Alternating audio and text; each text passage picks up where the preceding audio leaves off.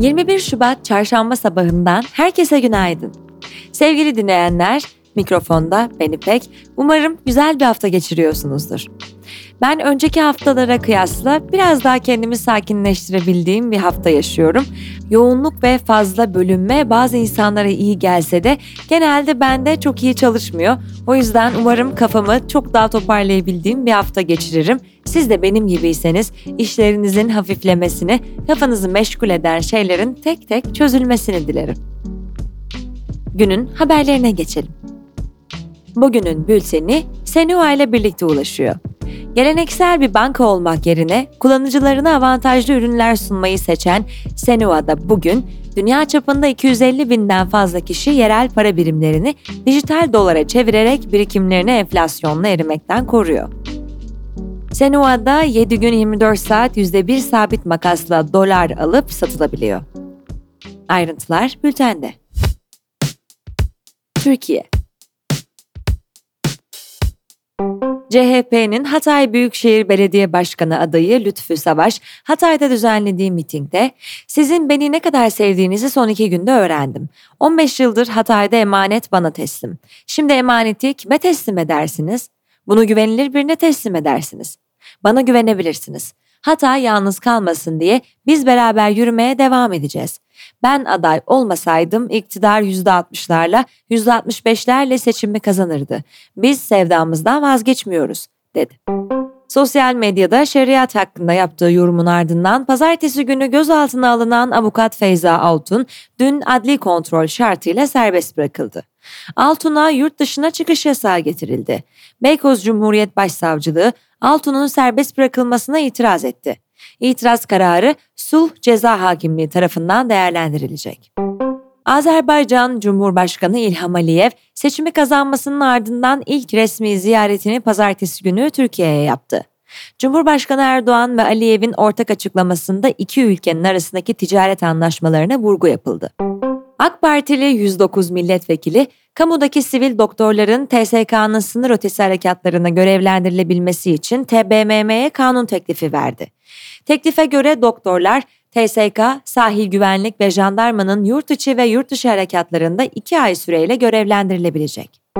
YSK'nın seçim takvimine göre siyasi partilerin aday listelerini sunmaları için belirlenen süre dün saat 17 itibariyle sona erdi.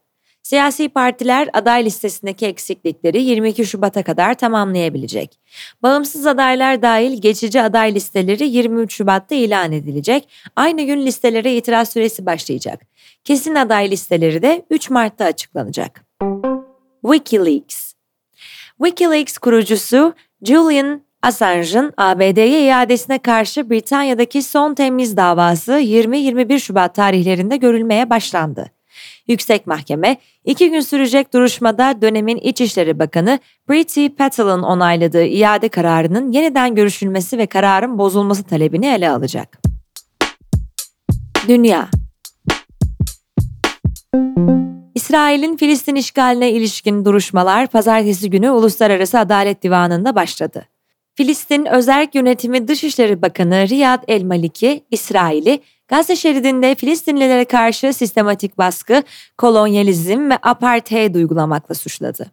6 gün sürecek oturumlara aralarında Türkiye'nin de bulunduğu 52 ülkenin temsilcileri ve 3 uluslararası örgüt katılıyor.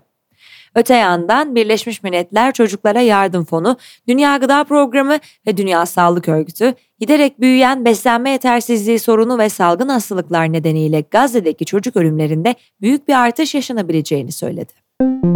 Macaristan Başbakanı Viktor Orban, Macar parlamentosunun 26 Şubat'ta İsveç'in NATO'ya katılımının oylanacağını açıkladı. Rus muhalif Alexei Navalny'nin 16 Şubat'ta kaldığı cezaevinde hayatını kaybetmesinin ardından bedenin nerede olduğuna dair Rus makamlarından henüz net bir açıklama gelmedi. Navalny'nin ailesi cesedin kimyasal analiz için iki hafta teslim edilmeyeceğinin söylendiğini bildirdi. ABD'nin Ukrayna'ya Kırım'ın iç bölgelerini vurabilecek menzile sahip füzeler göndereceği bildirildi. Kimliğinin paylaşılmamasını isteyen ABD'li yetkililer, ABD'nin Kiev'e uzun menzilli ordu taktik füze sistemi göndermeyi planladığını açıkladı. Ekonomi ve finans Bloomberg HD'nin Şubat ayı anketine göre politika faizinin %45 seviyesinde sabit tutulması bekleniyor. Yıl sonuna dair faiz beklentisi ise %40 seviyesinde bildirildi. PPK 22 Şubat Perşembe günü toplanacak. Türkiye Cumhuriyet Merkez Bankası verilerine göre Türkiye'nin uluslararası varlıkları 2023 sonu itibarıyla 326,9 milyar dolarla rekor seviyeye yükseldi. Yükümlülüklerin gerilemesiyle aynı dönemde net uluslararası yatırım pozisyonu açığı da 285,2 milyar dolara geriledi. Yurtdışı üretici fiyat endeksi Ocak'ta aylık bazda %4,57, yıllık %59,27 arttı. Madencilik ve taş ocakçılığında %60,76 artış, imalatta %59,24 artış kaydedildi.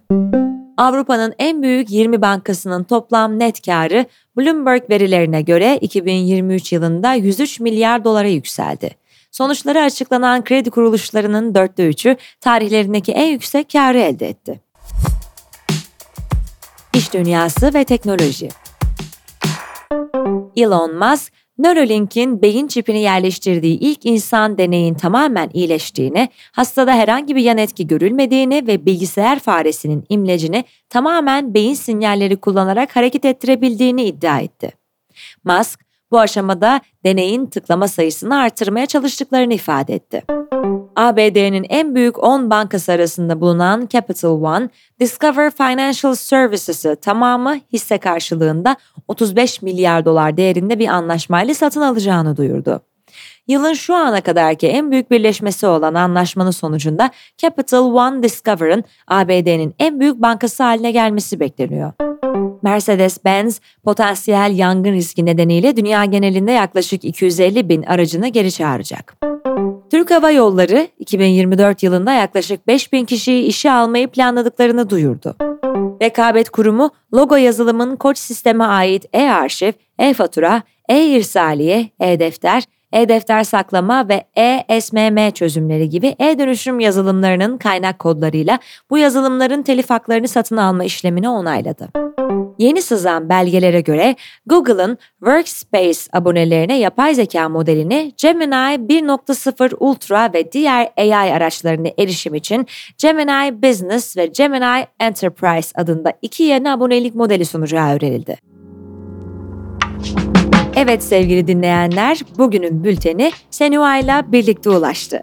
Mikrofonda ben İpek, sizlere harika bir gün diliyorum. Cuma günü tekrar görüşünceye dek hoşçakalın.